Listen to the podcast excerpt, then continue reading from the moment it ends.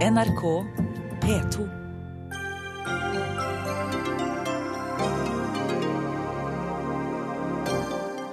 FNs sikkerhetsråd krever en full, uavhengig gransking av flystyrten i Ukraina. Det er fortsatt uklart hvem som skjøt ned det malaysiske passasjerflyet i går. Minst 34 mennesker er drept i Gaza under det israelske bakkeangrepet. Dette er en uakseptabel eskalering av konflikten, sier utenriksminister Børge Brende.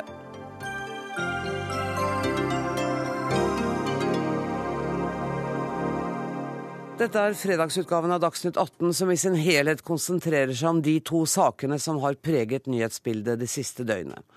I løpet av den neste timen skal vi få rapporter, analyser og politiske reaksjoner på det som har skjedd. Og vi begynner i Russland. Hans-Wilhelm Steinfeld, er det nå kommet noen sikre informasjoner om hvem som skjøt ned dette malaysiske passasjerflyet? Det har kommet sterke indisier. Jeg har sittet siste timen Anne Gråsvold, og fulgt på direkten talene i FNs sikkerhetsråd det mest oppsiktsvekkende var at den russiske ambassadør Vitalij Tsjurkin ikke imøtegikk noen av de anklagene Russland er blitt utsatt for i ettermiddag i FNs sikkerhetsråd, men holdt bare et generelt oppgjør med utviklingen i Ukraina. Den ukrainske ambassadør derimot viste konkret til det som er publisert i ettermiddag fra ukrainsk UD i Kiev. Og det er avlyttede samtaler mellom eh, partisanledere eh, om at Eh, de faktisk skjøt ned dette flyet. Og de gjorde det med et såkalt BUK-system, eh, altså et artillerisystem som kan skyte ned fly eh, fra 10 000 meter.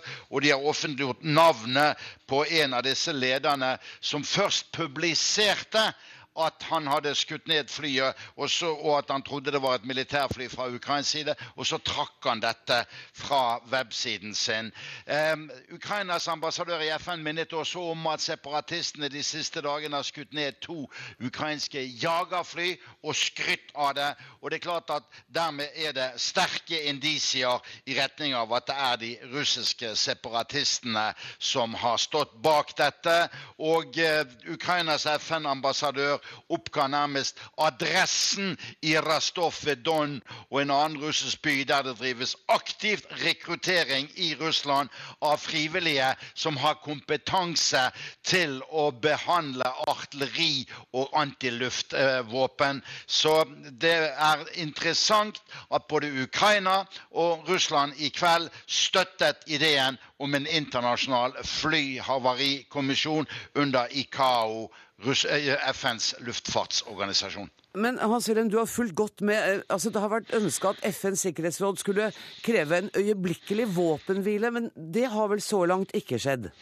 Nei, men det skal jo en avstemning til. Mm. Det skal bli vanskelig for Russland å legge ned et veto i kveld, etter jeg har hørt både den kinesiske ambassadøren og andre tale. Eh, Russland krever en stans i militæroperasjonene mot separatistene, mens Ukraina og vestmaktene krever at separatistene legger ned sine våpen. President Vladimir Putin har her i Moskva selv tatt til orde i dag for at det må komme en våpenhvile nå. ikke minst for at flyhavarieksperter trygt skal kunne undersøke det tragiske krasjstedet i Sørøst-Ukraina. Hans Wilhelm, jeg håper du har tid til å være med oss litt, for vi har med oss eh, statsminister Erna Solberg og Arbeiderpartiets leder Jonas Gahr Støre. Jeg skal snakke litt med dem, og så vil jeg gjerne få anledning til å komme tilbake til deg. Statsminister Erna Solberg, du er med oss fra Minde i Bergen. Hva var din første reaksjon da du hørte om eh, denne flystyrten i går? Jeg tror den samme som alle andre, at dette var forferdelig. Eh, og særlig når den kom samtidig som spekulasjonene var at dette var noe som var en faktisk villet handling fra noen. Eh, det er jo en katastrofe for familiene, det er en katastrofe for de mange menneskene som ikke får sine pårørende tilbake. Eh, men det er også et hardt slag mot både Malaysia og Nederland, som har mange borgere som har dødd i denne ulykken. Eh, jeg vet ikke om du fikk hørt på hva Hans-Wilhelm Steinfeld rapporterte nå, men altså at indisiene er sterke om at det er ukrainske separatister som står bak. Hvis det skulle vise seg å være riktig, hvilke politiske konsekvenser får det etter din mening? For det første så syns jeg at eh, det er litt vanskelig hvis vi på den ene siden skal kreve en internasjonal havarikommisjon, skal skape legitimitet rundt den, og så har vi på en måte forhåndskonkludert på svaret, fordi indisiene kan være sterke. Det pågår en intens propagandakrig fra eh, Ukraina og Russland i forbindelse med konflikten i Ukraina, og det vil fort bli oppfattet som at hvis vi alle har konkludert på forhånd, ja, så har ikke denne kommisjonen noe særlig verdi. Eh, så jeg, mener vi skal stille med åpent sinn. Eh, det er viktig at eh, kommisjonen å, å klarer å finne hva som skjedde, og hvem som er ansvarlig. Og så mener jeg selvfølgelig at det vil ha konsekvenser hvis det er noen av partene i konflikten, Russland, Ukraina og separatistene der, som er ansvarlig. Samtidig er det også viktig hvordan man reagerer rundt det, og årsaken, og finne frem til årsakene på det som har skjedd. Så er det klart at det vil gi et internasjonalt internasjonalt bilde for de som har vært ansvarlige for dette, eh, som gjør at sympatien rundt deres sak blir betydelig mindre. Jonas Gahr Støre, leder i Arbeiderpartiet. Eh, jeg går ut fra at du er helt enig med statsministeren at en uavhengig gransking nå er viktig? Ja, jeg slutter meg til det statsministeren sier. Jeg syns det er klokt. Altså, for det første, eh, marerittet og skrekken eh, som disse menneskene har opplevd. Og dette selskapet har jo for annen gang på kort tid opplevd å miste et fly. Eh, alle de pårørende, alle familiene. Eh, så tror jeg også det er klokt når vi nå sier at vi skal ha en undersøkelse, og FN ber om det, at vi respekterer det. Men det er jo samtidig grunn for å si at her har vi en konflikt, borgerkrig eh, egentlig, i den delen av Ukraina, med sterke medvirkning fra Ukraina og Russland. Og den kommer egentlig ut av kontroll, ser vi nå. Fordi Til nå så har den jo vært ganske konsentrert rundt dette territoriet. Krim var jo et kapittel for seg. Så kommer dette. Eh, det har vært tegn til at kanskje skuldrene har vært senket noe i det siste, og så kommer dette på en måte ut av det blå, bokstavelig talt. Så dette er et enormt potensial til opptrapping, eh, til en, som statsministeren sier, at uh, sympatiene kan skifte. Men det kan også være noe mer. For jeg mener at her bør uh, det vi nå hører Steinfeld rapportere, hvor Tsjurkin, FN-ambassadøren, her har uttalt seg forsiktig. Putin har stort sett sagt at Ukraina er ansvarlig fordi det skjer i Ukraina. Det er også varsomt til han å være.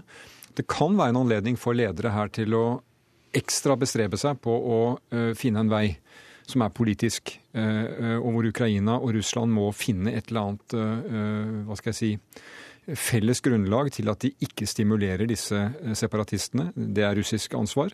Og at Ukraina finner politiske løsninger i sitt land som gjør det mulig for et mangfold av befolkning til å leve i, i trygghet. Det siste du sier, er det mer et håp enn realisme? Ja, men det, det, For jeg, jeg, tenker at det, er, det, ser dystrere ut enn noen gang, mens ja, du sier at det kanskje Men du har sett fra historien tidligere at når det skjer eh, eh, det som åpenbart er tragedier Den har nok vært villet fra noen, det kan jo også ha vært en feil med i bildet.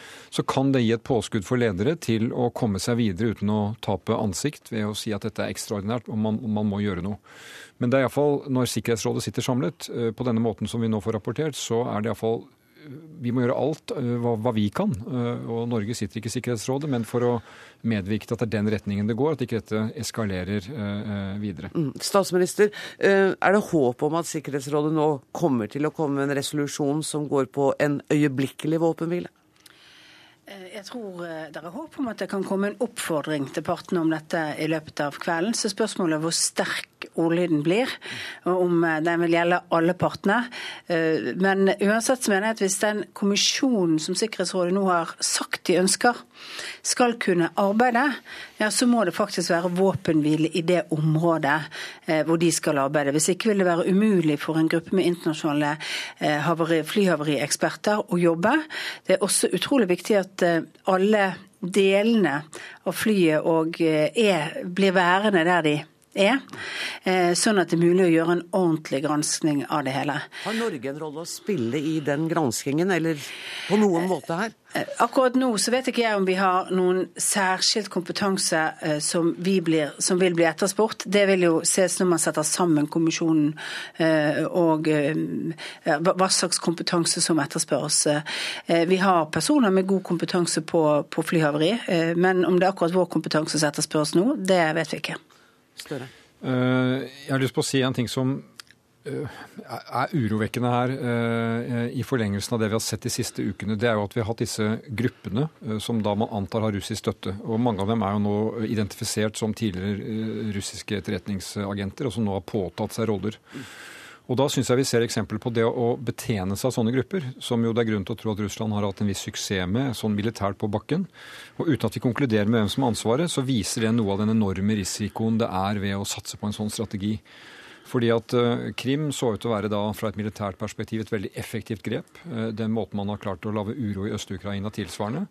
Men nå kan vi se eksempler på at de gruppene egentlig ikke kanskje tar kommando. ikke sant? At de er selvbestaltet. Eh, og det viser igjen faren når stater kommer for tett på slike grupper. Og det kan virke noe, men det kan også slå grusomt tilbake. Hans-Wilhelm Steinfeld, har du en kommentar i forlengelsen av det Jonas Gahr Støre her sier? Ja, så definitivt. Russland driver krig ved stedfortredere i uh, Sørøst-Ukraina og har gjort det lenge. I dag tok forresten en av journalistene i den offisielle russiske TV-kanalen Russland 24 uh, eh, avskjed i protest mot den dekningen russiske medier står for i denne saken.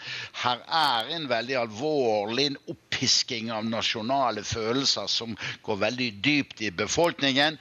Og det skal høy kompetanse til å betjene disse boksystemene.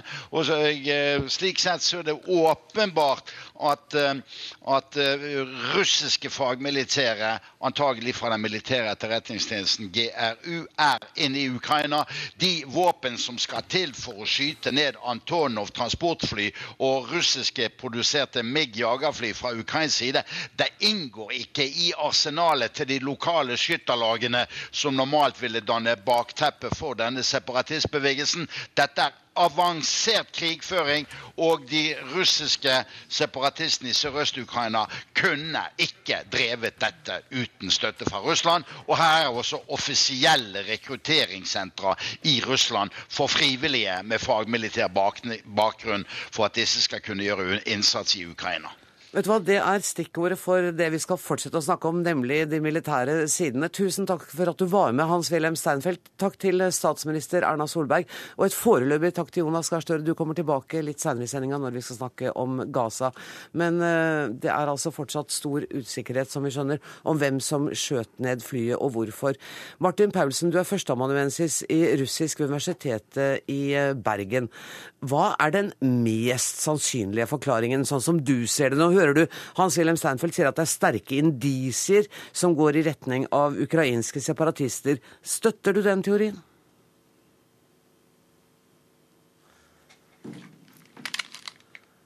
Martin Paulsen er ikke da det, egentlig så er det jo lettere for meg å snakke med en jeg har øyekontakt med, eh, Bukkvold. Eh, kan ikke du egentlig si For det, Hans Wilhelm begynte jo her å snakke om hva slags missiler som er brukt mot dette flyet. Og han sier at dette er ikke noe du kjøper på et gatehjørne. Hva er det vi snakker om? Hva er dette Bukk-systemet? Ja, Bukk er den ene muligheten. Det kan også være langtrekkende missiler som heter S-200 eller S-300, men Bukk er nok det mest sannsynlige. Fordi det er det som Russland bruker? Eh, altså Både Russland og Ukraina har det. og Det er okay. et våpensystem som veldig mange land har, for at Russland har eh, eksportert bukk til ganske mange land rundt omkring i verden. Og Det er et såkalt mellomdistanse luftforsvarssystem, som da kan ta ned fly på den høyda som det er snakk om her, og, og enda litt lenger. Eh, så både det og det her med langdistansesystemet kan ta ned den type fly. Men eh, det som ukrainske myndigheter påstår, da, er at eh, en del enheter fra Buk-systemet har kommet over grensa fra Russland og til Ukraina. Og de mener at det da er de enhetene som har eller en av de enhetene som har vært brukt. Eh, fra russisk side så har det vært hevda at Ukraina har akkurat det samme systemet, og at det kan like så godt være at det er stjålet fra ukrainske militærlager. I hvert fall noen kilder på russisk side har hevda det. Så vi vet ikke så vi vet sikkert, ingenting? Vi vet ikke sikkert hva det kom ifra. Nei, nei, nei. Det må men, vi finne men, ut. Men, men kan på en måte hvem som helst lære seg å bruke dette bukssystemet? Er det Nei. nei. Det, altså, hvem som helst kan kanskje lære seg det, men du må trenes opp i det. Så det er ikke, altså Du kan ikke bare sette deg bak spakene og så begynne å skjøte. Det, så enkelt er det ikke. Du må trenes og, og, utdannes på det. Og Da kan man på nytt egentlig tenke seg to muligheter. Hvis det er opprørerne som har gjort dette, her, så har de enten fått med systemet med mannskap fra Russland, det er en mulighet. Eller så kan man tenke seg at det er opprørere som har, det er mange av opprørerne som har tidligere militær bakgrunn. Noen kan da ha, ha bakgrunn på akkurat det systemet og være i stand til å bruke det. Så der er det òg to muligheter. Men, men hvis de har fått dette fra Russland, og Russland da i realiteten står bak og som Hans Wilhelm sa, driver krigføring ved stråmenn, hva vil det ha å si? Ja, det, altså For opprørerne så vet jeg ikke hvor mye det vil ha å si, men hvis Hvis det er det som har skjedd, og hvis man kan i rimelig grad bevise det, så er det klart at det er et kjempeproblem. Da har Russland et veldig stort forklaringsproblem. Skal vi prøve igjen om vi har kontakt med Martin Paulsen i eh, Bergen. Hører du meg nå, førsteamanuensis? Det stemmer. Det er bra. Ehm, får jeg høre din vurdering også eh, når det gjelder den mest sannsynlige forklaringen på denne nedskytingen? Er det en villet nedskyting av et malaysisk eh, passasjerfly? Nei. Det finner jeg ingen grunn til å tro. Jeg ser ikke på noen måte at noen av aktørene i denne konflikten skal ha noe eh, å vinne på å skyte ned et eh, passasjerfly med passasjerer som på ingen måte er relatert til konflikten. Så eh, jeg ser for meg at det mest sannsynlig, og jeg syns ikke det er så mye grunn til å tvile på den eh, versjonen heller, er at det er separatistene som har gjort det ved en feil. Du sa til Klassekampen uh, sist onsdag at konflikten eh, er på et vippepunkt. Uh, hva gjør flykatastrofen med det? Den vipper jo momentumet i den ukrainske regjeringas favør.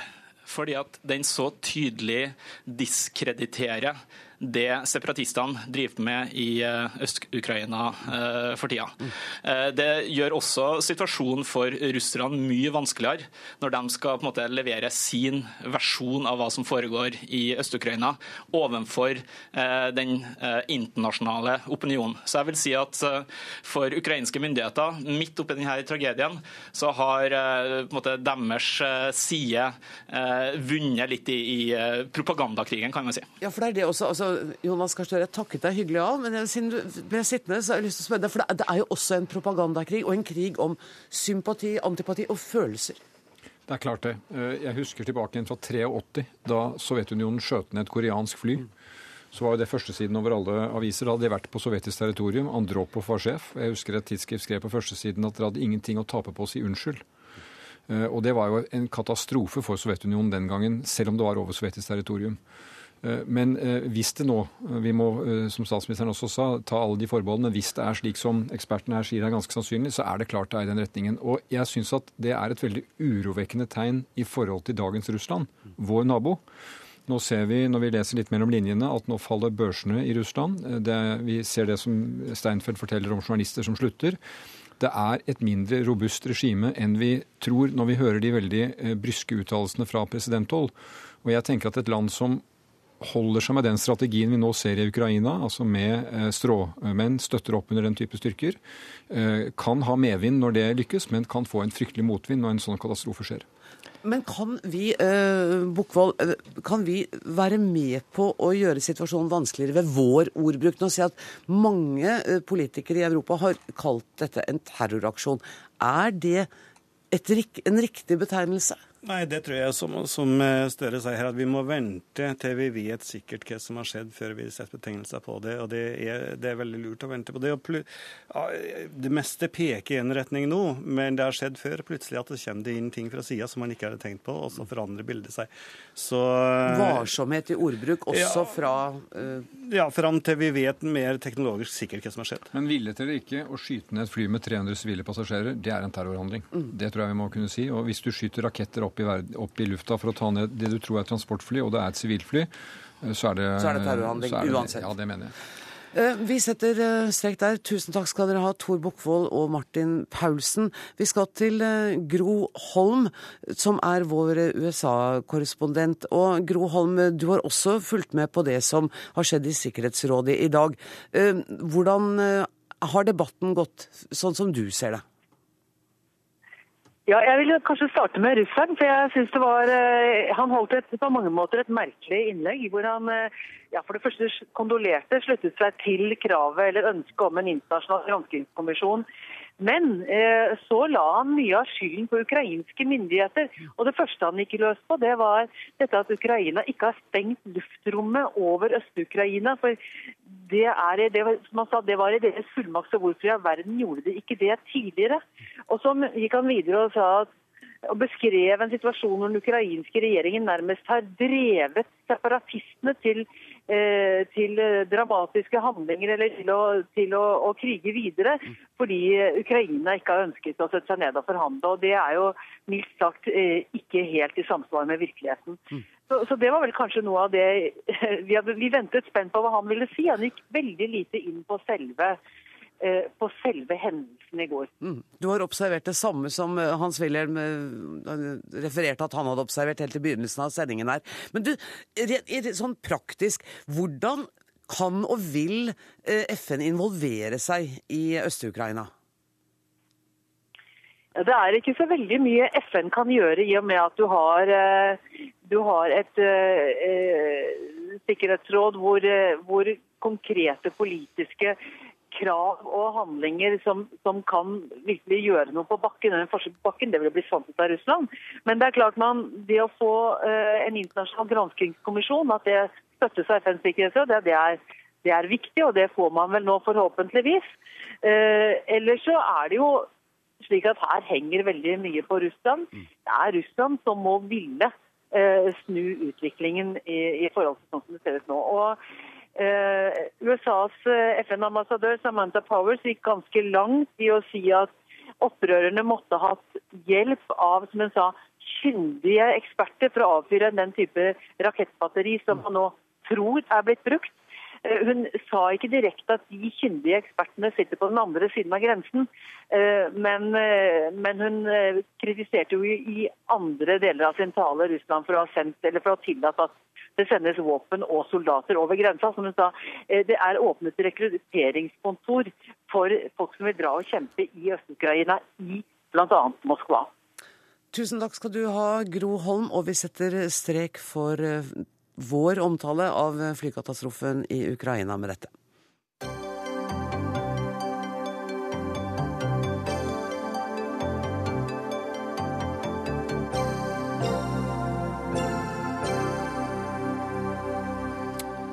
Så skal det dreie seg om Gaza, der 33 mennesker er drept så langt siden det israelske bakkeangrepet startet i går kveld.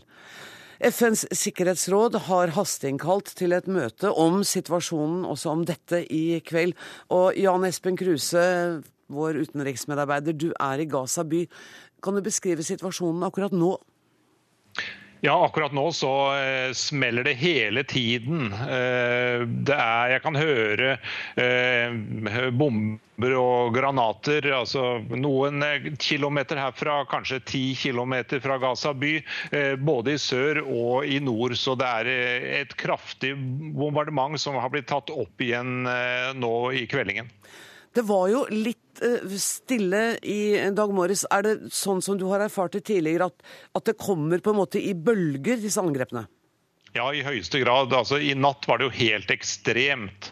Eh, hele kveldshimmelen, nattehimmelen, ble jo lyst opp av, eh, av disse granatene, av disse bombene og rakettene. Og, og, og, denne krigføringen som var helt eh, ekstremt intens hele natten. Og så var det rolig. Eh, litt opp igjen på formiddagen. Det har vært eh, relativt rolig midt på dagen. Og så nå eh, som kvelden kommer, så, så begynner skytingen igjen. Men altså gjennom hele dagen har det eh, blitt bombet. Det er ikke sånn at eh, det hele har stanset opp, Nei. men da har det vært mer sånn eh, at de, de, bomber enkelte hus. Nå virker det som det er mer massiv sånn bakkekrig. At det er stridsvogner som, som skyter, og at det er bakkesoldater i tilknytning til dem. Hvordan er situasjonen for sivilbefolkningen? Nei, alle er jo veldig veldig spente her i, i, Gaza by. Man spør seg selv hvor eh, kommer dette til å ende? Hva er det den israelske hæren vil? Eh, skal man bare gå inn i den nordlige og sørlige delen og ødelegge mest mulig for Hamas? Ødelegge eh, rakettlagre, utskytingssteder osv.? Eller skal det bli en, en full offensiv, at man kommer helt hit til Gaza by? Det er det folk her frykter aller mest først. Har israelske myndigheter sagt noe i løpet av dagen? Ja, de sier at de skal intensivere denne krigføringen. Også bakkeoperasjonene skal intensiveres, sier de. Det er litt uklart hva det egentlig betyr. Om de vil altså annektere hele Gazastripen, eller om de vil bare gå inn og gjøre mest mulig skade overfor Hamas og trekke seg ut. Eller, eller om de altså vil ta hele området, mer eller mindre av det. da. Takk skal du ha, Jan Espen Kruse. Israelske styrker har altså gått inn på Gazastripen med 65 000 soldater. Are Hovdenak, hva vil Jan Espen Kruse stilte jo nettopp det spørsmålet. Det er uklart hva man vil. Skal man, vil Israel ta Gazastripen, eller vil de skremme? Hva er hensikten? Nei, det er det ingen som vet. Israel ga i natt noen signaler om at det var en begrenset operasjon, muligens for å forvirre fienden. I dag har de sagt de skal intensivere den. Og, det er vel og utvide den. Og det er vel det det ser ut som de gjør mm. på bakken. Mm. De har gått inn i nord og i sør, tatt en tre kilometer lang stripe innenfor grensen langs hele gassstripen og skutt mot andre mål lenger inn i, i Gaza. Og folk er svært redde. Jeg har snakket med folk både i sør og i nord og i Gaza by, som er mer redd for tanks enn for fly. For flyene bomber ganske eksakt, og det er mål som folk vet hvor er. Mens tanksene skyter mer upresist. Og Israel vil jo systematisk ødelegge disse tunnelene som går mellom Gaza og Egypt. Hvorfor er de så viktige? Tunnelene er et eh, erklært viktig mål, og det er nok riktig militært sett, sikkerhetsmessig for Israel. Hamas har brukt tunneler for å få eh, væpnet mannskap inn i Israel. De har lyktes med å kidnappe eh, israelere tidligere gjennom tunneler. Eh, så det er en, et mål som Israel trengte å gå inn med bakkestyrker for å finne, for disse ses ikke fra luften. Der har de nedganger fra hus, fra drivhus. De er skjult, så der må man lete på bakken. Samtidig så er dette en svært midlertidig løsning å gå inn og ødelegge tunneler, for Hamas har fått god trening i å bygge tunneler.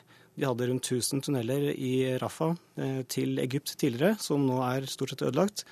Men de kan bygge tunneler igjen, så å rasere disse tunnelene nå vil ikke løse noe problem på lengre sikt. Går ødeleggelsen av tunnelene også utover sivilbefolkningen? Eh, Brukes det, de også til sånn frakt av mat, f.eks.? Eh, 15 år tilbake så bodde det folk langs hele grenseområdet. Dyrket mark var, ble dyrket. Eh, fra 2000, fra intifadaen, det palestinske opprøret, så har Israel opprettet en sikkerhetssone hvor de har utradert og revet tusenvis av boliger langs grensen og, og, hindret bønder i å bruke området. Så i disse grenseområdene hvor tunnelene nå er, så, så bor det ikke folk. Professor i historie ved Universitetet i Oslo og Midtøsten-ekspert Hilde Henriksen Våge, du kom hjem fra Jerusalem for et par dager siden etter å ha vært i Midtøsten et par uker. Hvordan var det å være der nå? Ja, nei, det, det var uh, spent. Det var uh, ubehagelig på den ene siden. Og på den andre siden så gikk livet sin eh, vante gang.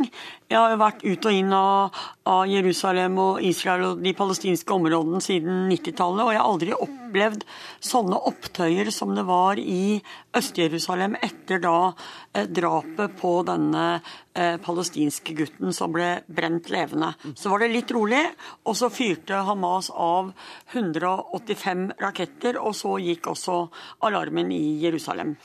Etter din mening, hvor ligger nøkkelen til en løsning, hvis det finnes en eneste nøkkel, da?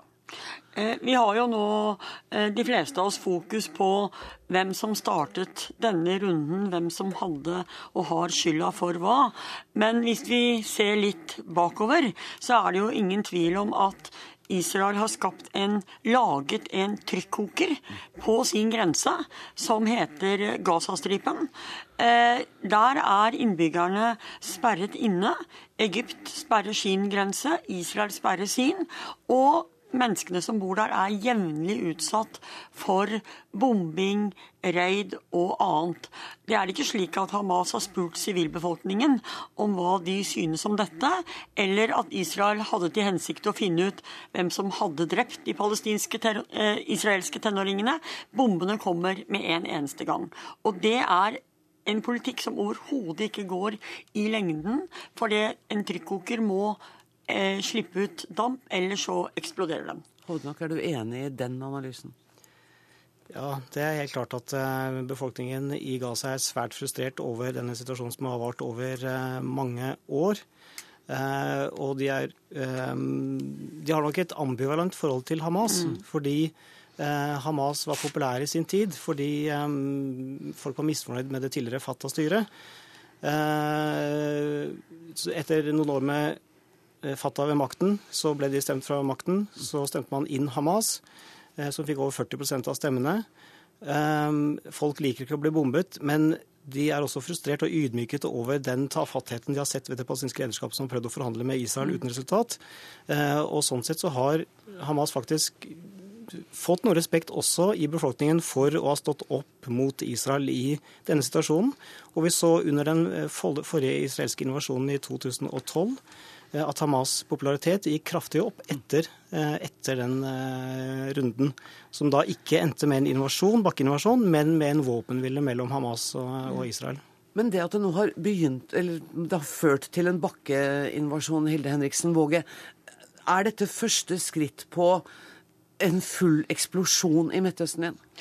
Det er jo litt vanskelig å svare på akkurat i dag. Men det som er helt klart, er jo at hvis man ser dette fra den israelske siden, eh, så er jo ikke de opptatt av eh, de langsiktige eh, problemene som er okkupasjonen og blokaden av Gaza. De bare ser at for dem er det uakseptabelt å få raketter som regner inn over det israelske territoriet. Og de må jo også beskytte sin sivilbefolkning. Og det eneste svaret som den israelske regjeringen kommer opp med denne gangen og forrige gang og forrige gang der igjen, det er da å massivt gå inn og bombe. Og når de ser at det ikke nytter, for det har de jo ikke gjort, Raketten har bare fortsatt med store våpenlagre, så har de ikke noe annet valg enn å gå inn eh, på bakken for å kjempe kampen hus for hus. Da setter jeg strek for eh, denne delen av samtalen eh, om eh, Gaza. Takk til Are Hovdenak og Hilde Henriksen Våge. Inn i studio nå kommer Shashed Afar ved den israelske ambassade. Israel har sagt at landet ikke hadde noe annet valg enn å gå til bakkeangrep etter at det ikke var mulig å få til en varig våpenhvile. Shashed Affair of the Embassy of Israel, Mr. Marcos Hermoneta, welcome. Hello. Um, Did Israel consider other, more peaceful options before sending troops into Gaza? What peaceful options are there mm. uh, in the face of uh, an organization that calls the, for the destruction of Israel and uh, has been uh, barraging uh, the civilian population for the last uh, probably nine years with 15,000 rockets and mortars against innocent civilians? Um, Can I just translate a little bit? Uh, Affair sier at det var ikke noen, uh, fantes ikke noen fredelige metoder fordi uh, Israel har vært utsatt for 15 000 raketter over de siste ni årene, og det er sivile som har blitt rammet. Yes, also, um, as, as you recall, only in the last couple of days, uh, we have agreed to the uh, Egyptian proposal for ceasefire and that was rejected by Hamas. We have agreed uh, to uh, allow for a a humanitarian pause, and that was violated by Hamas. Uh, we have not responded for several days to Hamas rockets until we had no choice but to uh, embark on this operation. No, uh, no country would allow uh, to uh, uh, have a continuous attack against its civilians without defending itself. It is a principle in international law. And uh, we uh, must do what uh, any other country uh, would have done in, uh, you know, being in our shoes. Mm. Eh, Marcos Hermoneta sier altså at eh, de har vært villige til å inngå våpenhvile for et par dager siden. Det ville ikke Hamas. De har villet ha humanitær stans i krigføringen. Det ble også uh, ikke noe av.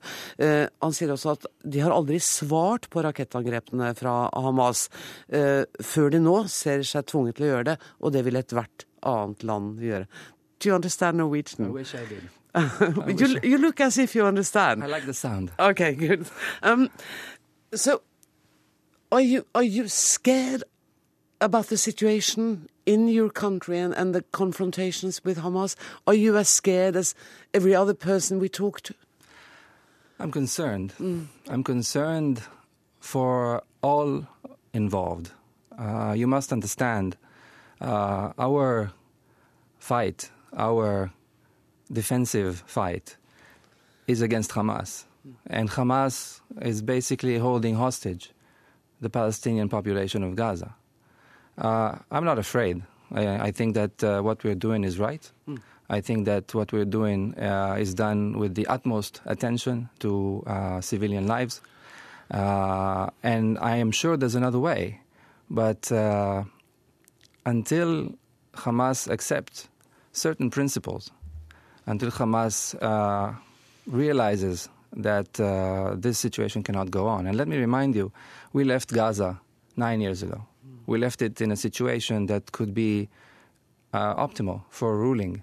Uh, Hamas took over uh, violently, uh, throwing people off the roofs, Fatah people, Palestinian supporters of Fatah, and made it into a terror base that forced us to go uh, three times in the last five years on military operations uh, to stop the incessant violence. Now, uh, I'll be brief. Um, one more sentence. Um, every time uh, the confrontation has become more complex because uh, Hamas uh, has acquired more uh, dangerous weapons. Hamas has developed more dangerous methods. One of the reasons why we are now going through uh, we have moved to uh, a terrestrial, a ground operation phase, is in order to stop uh, the terror, uh, the terror tunnels. There are tunnels that they are that they are digging not only in order to smuggle weapons, but also to uh, execute terror activities and terror attacks against Israeli civilians. We just caught 13 of them just a couple of days ago. One of their tunnels exploded last week. So, uh, you know, we cannot allow for this kind of uh, thing to uh, continue. And uh, we would expect that the international community, um, as I said, uh, would give us the political credit and the room for maneuver in order for us to bring back the peace and quiet to Gaza. Han sier altså at han er ikke redd, men han er bekymret over situasjonen, og at det, de, eh, det Israel gjør, er å bekjempe Hamas. Eh, han sier også at da Israel forlot Gazastripen for ni år siden, så overlot det eh, til et Hamas som siden har omgjort Gazastripen til en base for terror. I have to do this very briefly. Most of our listeners um, do understand English. Um, can I ask you very briefly, um, you are aware, of course, of the massive criticism uh, of the Israeli politics on this point. Does it influence you at all? Uh, you have to be more more precise. Sorry. Um, yeah. What do you mean? Uh, some Western yeah. politicians, yeah. also Norwegians, yeah. have criticized, severely criticized um, the attack on the Gaza mm. Strip. Yeah. And uh, what I'm trying to find out is what is it? How does it influence Israel's policy of in course, that area? We, as I said before, I mean, we, we do listen to what uh, the world is saying, but uh, I can give you a few examples of uh, going from the president of the U.S. to the Canadian prime minister to uh, the uh, German chancellor, who just said today that uh, they stand by Israel when Israel is fighting to defend itself. Mm we, uh, as I said, we're not doing anything that's different than any other country would do.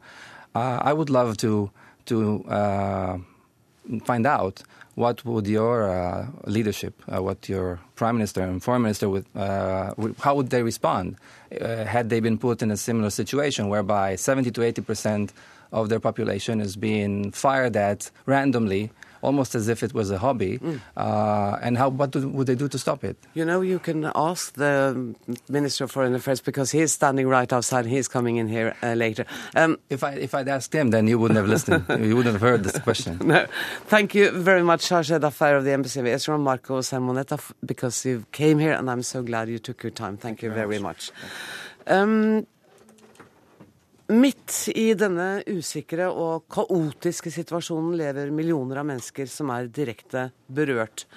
Og vi skal snakke med to av dem.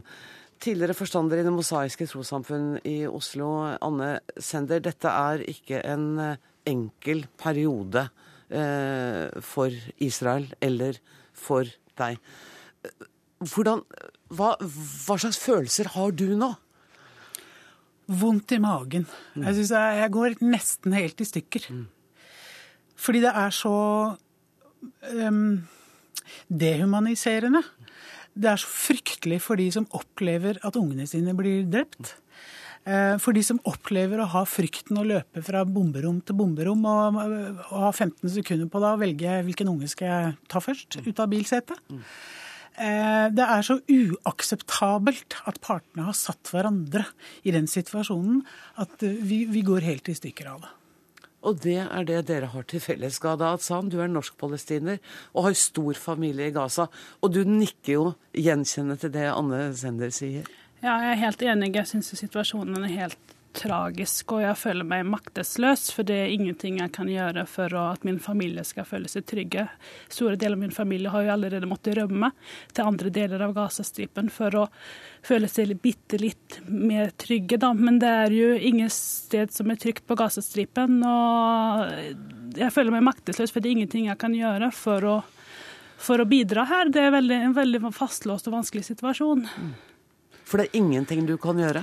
Altså, jeg, jo, jeg, ringer selvfølgelig og viser moralsk støtte, og jeg deltar på markeringer og uttrykker sympati. Men det, jeg, jeg, er ikke i en maktposisjon mm. til å kunne bidra politisk her. Det er jo liksom de som bestemmer i det internasjonale samfunnet, som bør gå sammen her og komme fram til en løsning. Mm. Også vi andre. Vi andre. Vi må, vi må ha hodet kaldt og varme hjerter og snakke om fakta, om kompleksitet, om nyanser. Det er krevende, men det er noen grenser som, for, som vi går forbi når, når situasjonen blir som den blir nå. Og ikke minst må vi stille oss spørsmålet vil dette hjelpe i det lange løp? Jeg har ingen problemer med å se at det er uakseptabelt for Israel å akseptere raketter i månedsvis, årevis innover sin egen befolkning. Det må stoppe. Men det må også Israel gjøre i forhold til ett og ett skritt av gangen for å avslutte okkupasjonen og vise vilje til at dette skal løses. Det er også Israels oppgave. Så ansvaret ligger her på begge parter, mener du? Er du enig? Altså Jeg mener jo at eh, ansvaret ligger på okkupanten. Mm. Men selvfølgelig så tar jeg sterk avstand fra at det skytes raketter mot Israel. Og jeg skjønner jo at eh, Israel må gjøre et eller annet, men jeg tenker at vi må tenke langsiktig her. Og vi ser jo at dette gjentar seg hvert annet år så skjer jo dette, at det bombes. Så jeg tenker at man må tenke langsiktig. Og okkupasjonen og blokaden må opphøre. Og så tenker jeg at det er veldig viktig at vi her denne, når vi snakker om palestinere, at vi snakker om, om likeverd mellom palestinere og israelere, at palestinere er også mennesker. For jeg føler ofte at det glemmes at det er faktisk mennesker som bor på Gazastripen. Og jeg tenker at det er veldig viktig at vi ikke dehumaniserer den ene, ja, begge parter. Altså, det er veldig viktig at man tenker på at det er mennesker dette er snakk om. For, ja, så jeg føler liksom hele tiden at jeg må argumentere for at familien min er mennesker, og at de mm. fortjener å leve. Du trenger ikke det her. Nei, men jeg føler nesten sånn. Det skjønner jeg, ja. Og, men det vi snakker om, for det er jo disse menneskene dette handler om. Det er, så, det er lett å snakke om strategier og, og hva vil man, men det er til sjuende og sist en humanitær katastrofe. Det er en, en situasjon som, eh, som eh, voksne stater på en måte ikke kan akseptere. Eh, og Da mener jeg også at palestinerne må ta sin del av ansvaret. Jeg gleder meg til jeg ser en demonstrasjon i Gaza, på Vestbredden, som sier stopp med volden, ikke demoniser den partneren vi forventes å skal lage fred med. Som virkelig står opp og sier vi vil ikke denne type voldsreaksjoner på den situasjonen vi er i. Vi må komme et skritt videre. Eh, og det må gjøres på begge sider. Det, det, ingen av disse tingene kan skje sånn uten den andre. Dette her er uh, en ekstremt tung periode for dere begge. Og uh, Anne Sender, du uh, har jo vært litt motvillig til rett og slett å orke å komme i studio og snakke om dette i dag. Ja, jeg innrømmer det. Jeg ble litt feig. Um, jeg syns det er fryktelig krevende. Det er veldig mange sterke følelser. Veldig mange som mener veldig ulikt som det jeg gjør. Mm. Eh, og jeg er heller ikke så direkte berørt, i den forstand at jeg ikke har barn som er i militæret, som har blitt eh, kalt inn og står på grensen, og foreldrene er vettskremte for hva som skal skje. Men, men samtidig tenker jeg hvis mitt bidrag kan være å sette ord på hvor utrolig krevende eh, vi syns dette er. På det moralske, på det etiske, på Vi kan forstå det militært, vi kan forstå det politisk, men som du også sier, altså hvis vi stopper å være mennesker i dette, så kommer vi ikke videre. Da, da, sånn, du, sier, du sa i sted at vi må ha et langsiktig perspektiv, og det må man jo åpenbart hvis man skal ha noe håp om mm. en fredelig løsning. Har du troen på det? Altså, for det første så må det til vilje, politisk vilje for å komme noe sted. Og per dags dato så ser jeg jo veldig lite politisk vilje. Altså for eksempel, Det økes jo med bosetningen på Vestbredden. Palestina Palestinerne i Gaza har jo levd under blokade siden 2007. Og det har ikke skjedd noen endring. Beste, jeg snakket med min bestemor sist i dag, og hun sier at hun har opplevd Nakban, hun har opplevd 67-krigen, og ingenting er som i dag. Det, altså, det, ikke, det, her er det verste hun har opplevd, at det bare blir verre og verre. Så hun ser ingen, ingen, ingen forbedringer.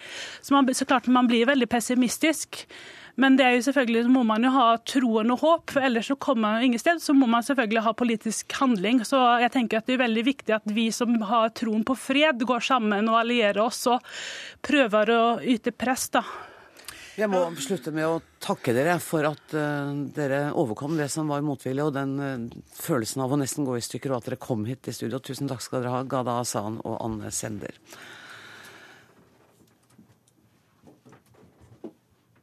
Inn i studio kommer uh, nå politikere. Børge Brende, utenriksminister, hjertelig velkommen. Du kom fra Midtøsten i går. Ja. Uh, og nå satt dere fryktelig trangt her, uh, kjære venner. Er det plass til deg, Harald? Ja. Du snakket jo med Netanyahu rett før du reiste hjem, gjorde du ikke det? Det er riktig. Sa han på noe, eller antydet han på noe tidspunkt til deg at denne bakkeinvasjonen kom til å skje da? Han uh, la jo det på bordet som en opsjon, en opsjon som jeg advarte mot. Uh, Israel uh, aksepterte jo det våpenhvileutkastet og forslaget fra Egypt på tirsdag. Mm.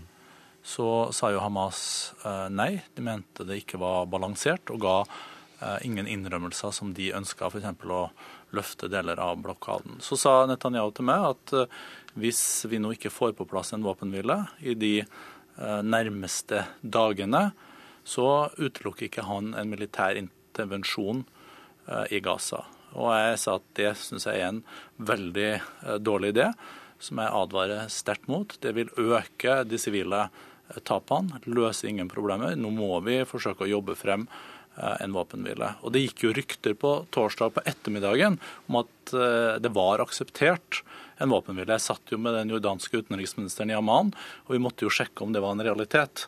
Og etter at uh, vi fikk tak i den egyptiske utenriksministeren, så forsto vi jo at det ikke var en realitet. Og noen timer etterpå så starta jo den israelske bakkeoperasjonen. Du har jo sagt at dette er en uakseptabel eskalering av konflikten. Var det så sterke ord som du brukte til Netanyahu også? Jeg sa at det var en uakseptabel situasjon uh, i Gaza. Uh, fordi at uh, nå er de fleste som mister livet der, det er sivile. det er en eskalering som er både uakseptabel og det er jo hjerteskjærende, de bildene som vi ser nå. F.eks. disse fire guttene som spilte fotball og ble drept.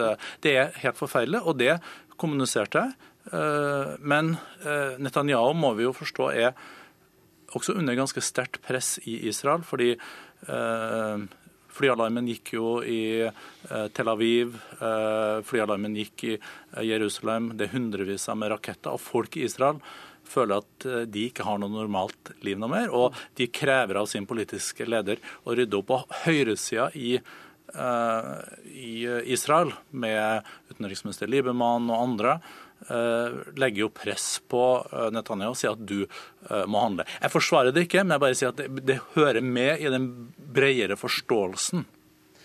Jonas Gahr Støre, nå har Netanyahu sagt at han går inn for en opptrapping og en utvidelse av det militære engasjementet på Gaza. Jeg går ut fra at du her støtter Brendes karakteristikker, at dette er en ja, uakseptabel Vi stiller bak utenriksministeren. Han kaller det en uakseptabel eskalering. Mm. Man kan jo forstå resonnementet. De skal inn og stoppe der hvor rakettene kommer fra. Men, men, det, er, men det, er, altså helt uakseptable sivile lidelser. Og det er slik at dette kommer ikke til å løse problemet heller. For vi snakker nå på en måte rundt uh, om å klare å stoppe én tunnel, som du snakket om tidligere i sendingen. Men det dype problemet her er, som vi hørte tidligere i sendingen, det er den politiske konflikten, okkupasjonen, og det er beleiringen av Gaza, stengningen av Gaza. Det er en trykkoker. Og Et tema som ikke var fremme i løpet av disse debattene, er den psykiske helsen til menneskene inne på, Gaza. Jeg har vært der noen ganger. Eh, og vi, har jo undersøkelser om at barn 90, over 90% er dypt traumatiserte. Så dette er en trykkoker som ikke kommer til å uh, trykke noe mindre som følge av dette. Så jeg mener verden må protestere mot det, og vi må kreve en våpenhvile som første skritt. Og så må vi fort over på hva som er hovedsaken, nemlig den politiske situasjonen. Men, men den våpenhvilen som vi kan kreve, utenriksminister, er det sannsynlig at det kommer en oppfordring fra FNs sikkerhetsråd i dag om en øyeblikkelig våpenhvile? Så Jordan har jo tatt opp uh, Dette har jo fått støtte fra Den arabiske liga. Ja. Men så vidt jeg forstår, etter å ha snakka med våre folk i FN, så blir det en uh, diskusjon, og det ikke er lagt opp til noe uh, uttalelse eller uh, resolusjon. Oh, men det er en god begynnelse. Men det mest interessante politiske sporet som jeg opplever nå, er jo at Egypt kjører et knallhardt løp for å få på plass en våpenhvile. Og dette er noe vi støtter opp om. Og vi bruker jo våre kontakter både på palestinsk side, israelsk side og på diplomatisk nivå overfor Hamas og sier at nå må dette på plass, slik at ikke flere liv går tapt. Og så er det jo viktig, hvis man får på plass dette, at en politisk prosess om en tostatsløsning begynner, som Gahr Støre var inne på. Fordi det er jo mangelen på en tostatsløsning er jo kjernen av problemet. Og det vi har sett nå, at det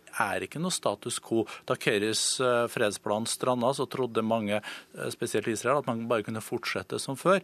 Men nå ser vi at volden har bygd seg opp, og vi må benytte den muligheten til å igjen starte en prosess for eh, å finne gode løsninger for å skape en eh, stat eh, for Palestina. Knut Arild Hareide, leder i KrF, er du også enig i betegnelsen uakseptabel eskalering av situasjonen? Ja, det er jeg. Og jeg er òg egentlig overrasket over at vi får den bakkeinversjonen som vi nå får. Jeg hadde trodd at vi skulle få til en løsning tidligere og beklager veldig at eh, vi nå får den eskaleringen. Det er fordi det er forferdelige menneskelige lidelser. Og eh, vi ser jo at det egentlig er to folk som ønsker en fredelig løsning. Men vi har ikke et politisk lederskap som evner å få det til. Det, det hørte jeg... vi jo fra Gada Hassan og Anne Sender i sted. Det de vil, er fred, men det er altså ikke politisk mulig. Og det preger både det palestinske folk og det preger det israelske folk. Eh, det palestinske folk opplever jo nå forferdelige lidelser. Men det israelske folk opplever òg en utrygghet som preger de dag etter dag, natt etter natt.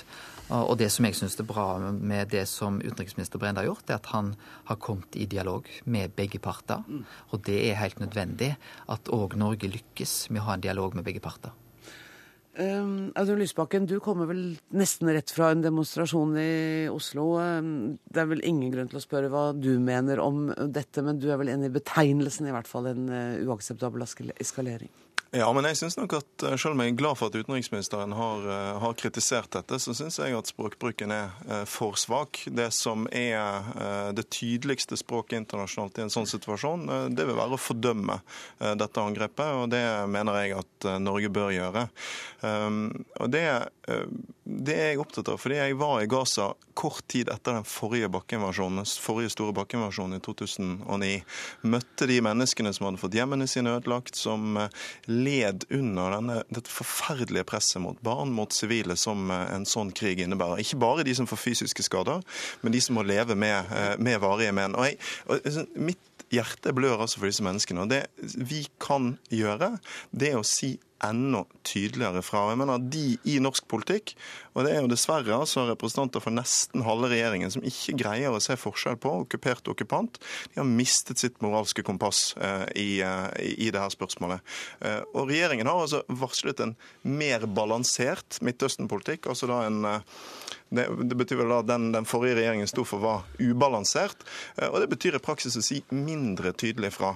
Og Den innflytelsen til Fremskrittspartiet den bekymrer meg, og jeg Eh, etterlyser enda tydeligere språkbruk fra regjeringen. Men er det en eh, diplomatisk og fredsskapende tanke å skulle være enda mer fordømmende av den ene parten?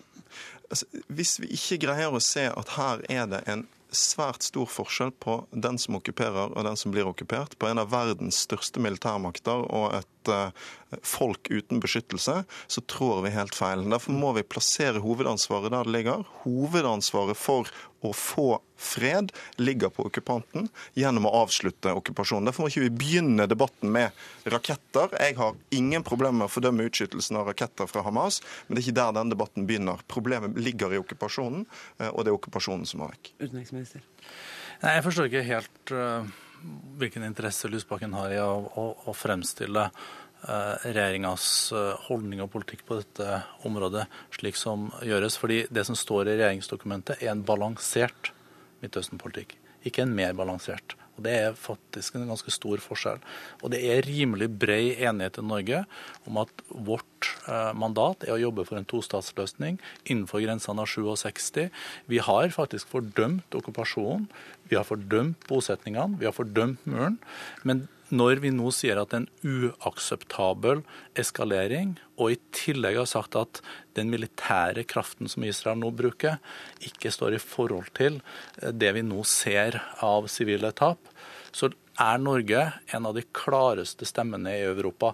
Og Det syns jeg man må ta inn over seg. Vi kan ikke eh, bare se det i en norsk kontekst. Og det som Hareide var inne på, Hvis Norge skal ha en rolle som vi har hatt, og også under den rød-grønne regjeringa, under Gahr Støres eh, ledelse, så greide vi å snakke med palestinerne, vi greide å snakke med Israel. Vi hadde til og med kontakt eh, med Hamas. Og dette er en balansegang. Hvis vi går Eh, og oppleves som at vi driver eh, demonstrasjonspolitikk eller aktivisme, så kan vi iallfall glemme å ha den rollen som vi har hatt de siste årene. Og vi oppleves som en troverdig partner som nå jobber aktivt bl.a. til å få til eh, en våpenhvile. Så jeg føler meg på veldig trygg grunn. Støre først, og så Nei, men La meg si at det, det, det Brende sier her, han skal få Arbeiderpartiets støtte til det. Jeg syns han uttrykker seg klokt og, og balansert. Og dette med at han nå også sier at de snakker med alle parter, også med Hamas, det tror jeg er riktig det er ikke betyr ikke at man er enig med dem. Men Lysbakken har et poeng.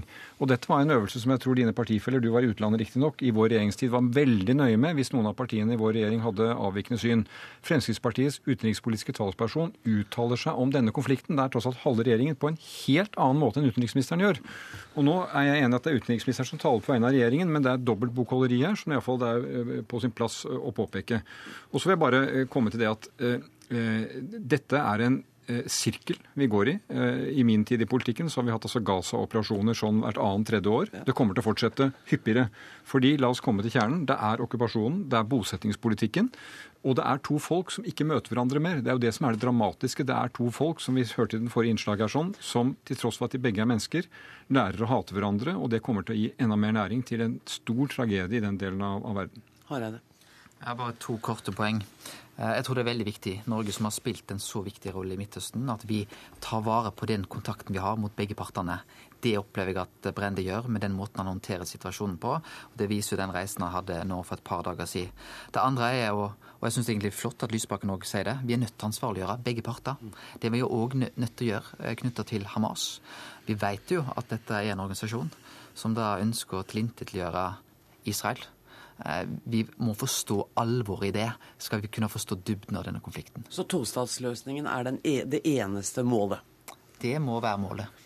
Lysbakken, helt Det vi risikerer, er jo at en tostatsløsning blir umulig. Eh, fordi for hver eneste ny bosetning, for hvert eneste nytt angrep, ja, så kommer denne løsningen enda lenger vekk. Og Derfor så er jeg enig i at vi må ha dialog, men dialogen vil ikke gi resultater uten tydelighet. Eh, og En konkret eh, utfordring til regjeringen. I fjor så gikk jo altså EU så langt at de innførte sanksjoner knyttet til eh, investeringer, prosjekter i okkuperte områder på bosettingene. Det har den nye norske regjeringen altså ikke fulgt opp. Så legger vi utenriksministeren fort om det. Vi, nå har vi akkurat 20 sekunder igjen, utenriksminister. Hvis det hadde vært, med all respekt, hvis det hadde vært slik at EU hadde gjort det i fjor, så var det vel en annen regjering som satt da. Men det var jo Like før valget, ja, men, men så, så, er det slik at EU har ikke innført dette. 16 EU-land har gitt råd om dette. dette. Og vi utreder dette her nå. De rød-grønne utreda det i noen år. Okay. Men vi ser på de juridiske aspektene og vil komme tilbake til det. Åh, Så bra. Der uh, slapp jeg å se mer på klokka også. Tusen skal, takk skal dere ha, Børge Brende, Jonas Gahr Støre, Audun Lysbakken og Knut Arild Hareide. Helt til slutt skal jeg bare si at ansvarlig i dag har vært Andrea Kvamme Hagen. Det tekniske ansvaret har Lisbeth Sellereite. Jeg heter Anne Grosvold og håper vi høres på mandag. Takk for nå.